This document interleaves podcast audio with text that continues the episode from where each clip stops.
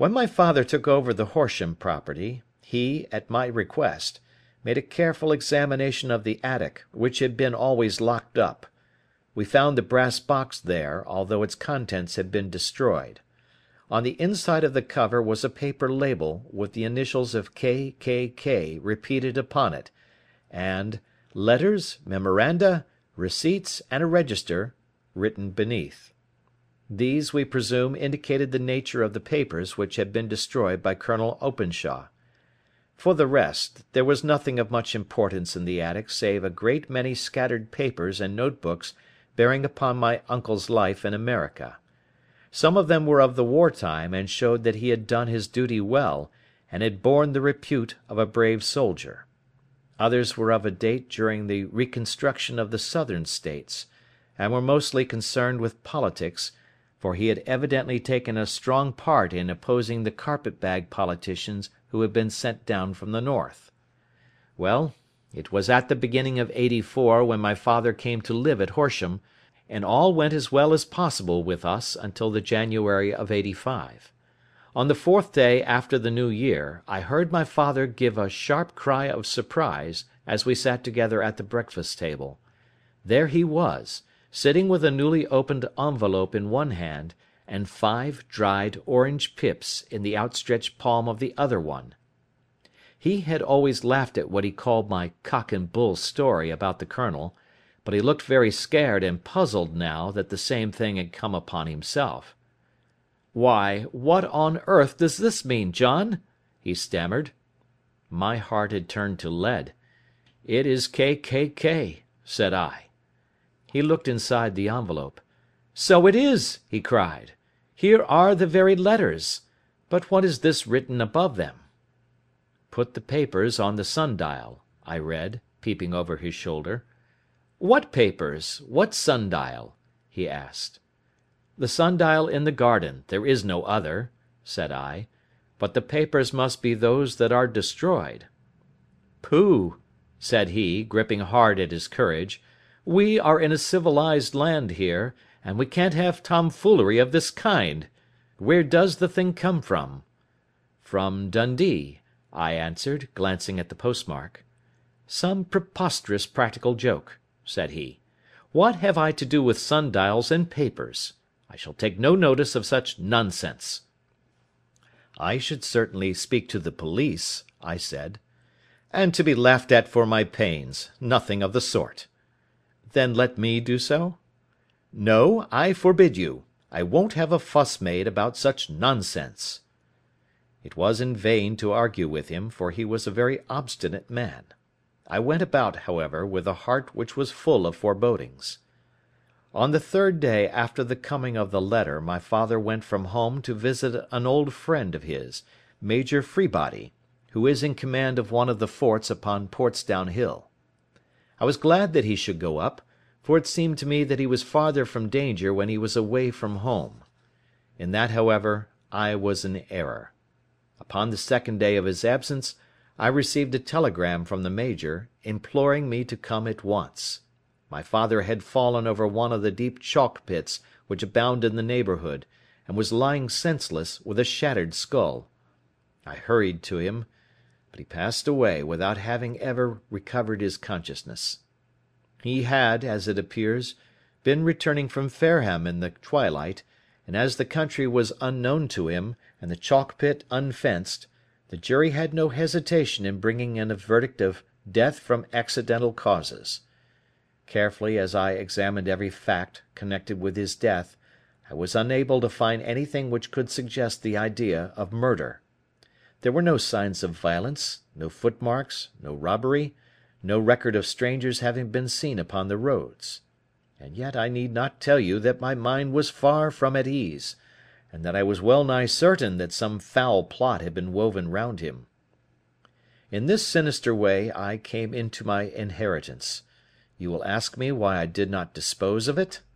I answer, because I was well convinced that our troubles were in some way dependent upon an incident in my uncle's life, and that the danger would be as pressing in one house as in another.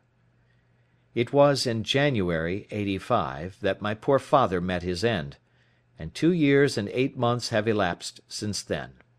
During that time I have lived happily at Horsham, and I had begun to hope that his curse had passed away from the family, and that it had ended with the last generation.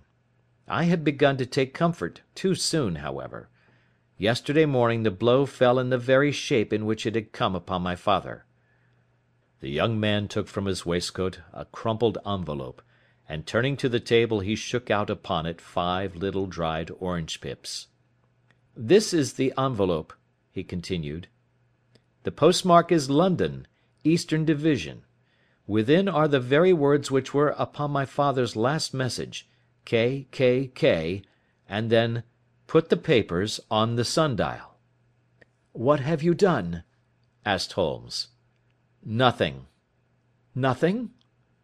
To tell the truth," he sank his face into his thin white hands, "I have felt helpless. I have felt like one of those poor rabbits when the snake is writhing towards it. I seem to be in the grasp of some resistless, inexorable evil, which no foresight and no precautions can guard against." "Tut, tut!" cried Sherlock Holmes. "You must act, man, or you are lost. Nothing but energy can save you. This is no time for despair." "I have seen the police." "Ah! But they listened to my story with a smile. I am convinced that the inspector has formed the opinion that the letters are all practical jokes, and that the deaths of my relations were really accidents as the jury stated, and were not to be connected with the warnings." Holmes shook his clenched hands in the air. "Incredible imbecility!" he cried. They have, however, allowed me a policeman, who may remain in the house with me." "Has he come with you to night?" "No. His orders were to stay in the house." Again Holmes raved in the air. "Why did you come to me?" he cried. "And, above all, why did you not come at once?" "I did not know. It was only to day that I spoke to Major Prendergast about my troubles, and was advised by him to come to you." "It is really two days since you had the letter. We should have acted before this. You have no further evidence, I suppose, than that which you have placed before us? No suggestive detail which might help us?" "There is one thing," said John Openshaw. He rummaged in his coat pocket, and drawing out a piece of discoloured blue tinted paper. He laid it out upon the table. "I have some remembrance," said he, "that on the day when my uncle burned the papers I observed that the small unburned margins which lay amid the ashes were of this particular colour. I found this single sheet upon the floor of his room, and I am inclined to think that it may be one of the papers which has, perhaps, fluttered out from among the others, and in that way has escaped destruction. Beyond the mention of pips. I do not see that it helps us much. I think myself that it is a page from some private diary. The writing is undoubtedly my uncle's." Holmes moved the lamp, and we both bent over the sheet of paper, which showed by its ragged edge that it had indeed been torn from a book. It was headed March, 1869, and beneath were the following enigmatical notices: "4th. Hudson came. Same old platform. 7th. Set the pips on Macaulay, Paramore, and John Swain of St. Augustine. 9th. Macaulay cleared. 10th. John Swain cleared. 12th. Visited Paramore. All well. "Thank you," said Holmes, folding up the paper, and returning it to our visitor. "And now you must on no account lose another instant. We cannot spare time even to discuss what you have told me. You must get home instantly and act." "What shall I do?" "There is but one thing to do. It must be done at once. You must put this piece of paper which you have shown us into the brass box which you have described. You must also put in a note to say that all the other papers were burned by your uncle, and that this is the only one which remains. You must assert that in such words as will carry conviction with them. Having done this, you must at once put the box out upon the sundial as directed. Do you understand?" "Entirely." "Do not think of revenge, or anything of the sort, at present. I think that we may gain that by means of the law, but we have our web to weave, while theirs is already woven. The first consideration is to remove the pressing danger which threatens you. The second is to clear up the mystery and to punish the guilty parties." "I thank you," said the young man, rising and pulling on his overcoat. "You have given me fresh life and hope. I shall certainly do as you advise.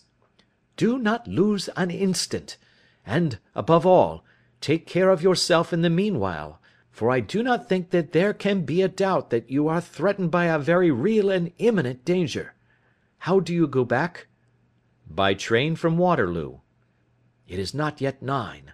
The streets will be crowded, so I trust that you may be in safety. And yet you cannot guard yourself too closely." "I am armed." "That is well. To morrow I shall set to work upon your case." "I shall see you at Horsham, then?" "No. Your secret lies in London. It is there that I shall seek it." "Then I shall call upon you in a day, or in two days, with news as to the box and the papers. I shall take your advice in every particular." He shook hands with us, and took his leave. Outside the wind still screamed and the rain splashed and pattered against the windows. This strange, wild story seemed to have come to us from amid the mad elements, blown in upon us like a sheet of seaweed in a gale, and now to have been reabsorbed by them once more. Sherlock Holmes sat for some time in silence with his head sunk forward and his eyes bent upon the red glow of the fire. Then he lit his pipe, and leaning back in his chair he watched the blue smoke rings as they chased each other up to the ceiling. "I think, Watson," he remarked at last, "that of all our cases we have had none more fantastic than this." "Save, perhaps, the sign of four." "Well, yes, save, perhaps, that. And yet this John Openshaw seems to me to be walking amid even greater perils than did the Sholtos." "But have you," I asked, "formed any definite conception as to what these perils are?" "There can be no question as to their nature," he answered. "Then what are they? Who is this K. K. K., and why does he pursue this unhappy family?" Sherlock Holmes closed his eyes and placed his elbows upon the arms of his chair, with his finger tips together. "The ideal reasoner," he remarked, "would, when he had once been shown a single fact in all its bearings, deduce from it not only all the chain of events which led up to it, but also all the results which would follow from it. As Cuvier could correctly describe a whole animal by the contemplation of a single bone so the observer who has thoroughly understood one link in a series of incidents should be able to accurately state all the other ones, both before and after. We have not yet grasped the results which the reason alone can attain to. Problems may be solved in the study which have baffled all those who have sought a solution by the aid of their senses. To carry the art, however, to its highest pitch, it is necessary that the reasoner should be able to utilise all the facts which have come to his knowledge. And this in itself implies, as you will readily see, a possession of all knowledge, which, even in these days of free education and encyclopedias, is a somewhat rare accomplishment. It is not so impossible, however, that a man should possess all knowledge which is likely to be useful to him in his work, and this I have endeavoured in my case to do. If I remember rightly, you on one occasion, in the early days of our friendship, defined my limits in a very precise fashion." "Yes," I answered, laughing, "it was a singular document. Philosophy, astronomy, and politics were marked at zero, I remember; botany variable.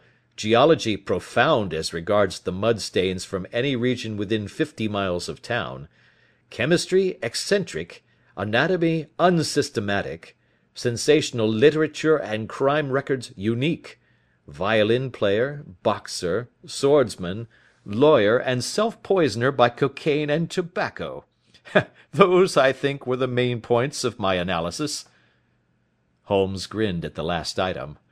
"Well," he said.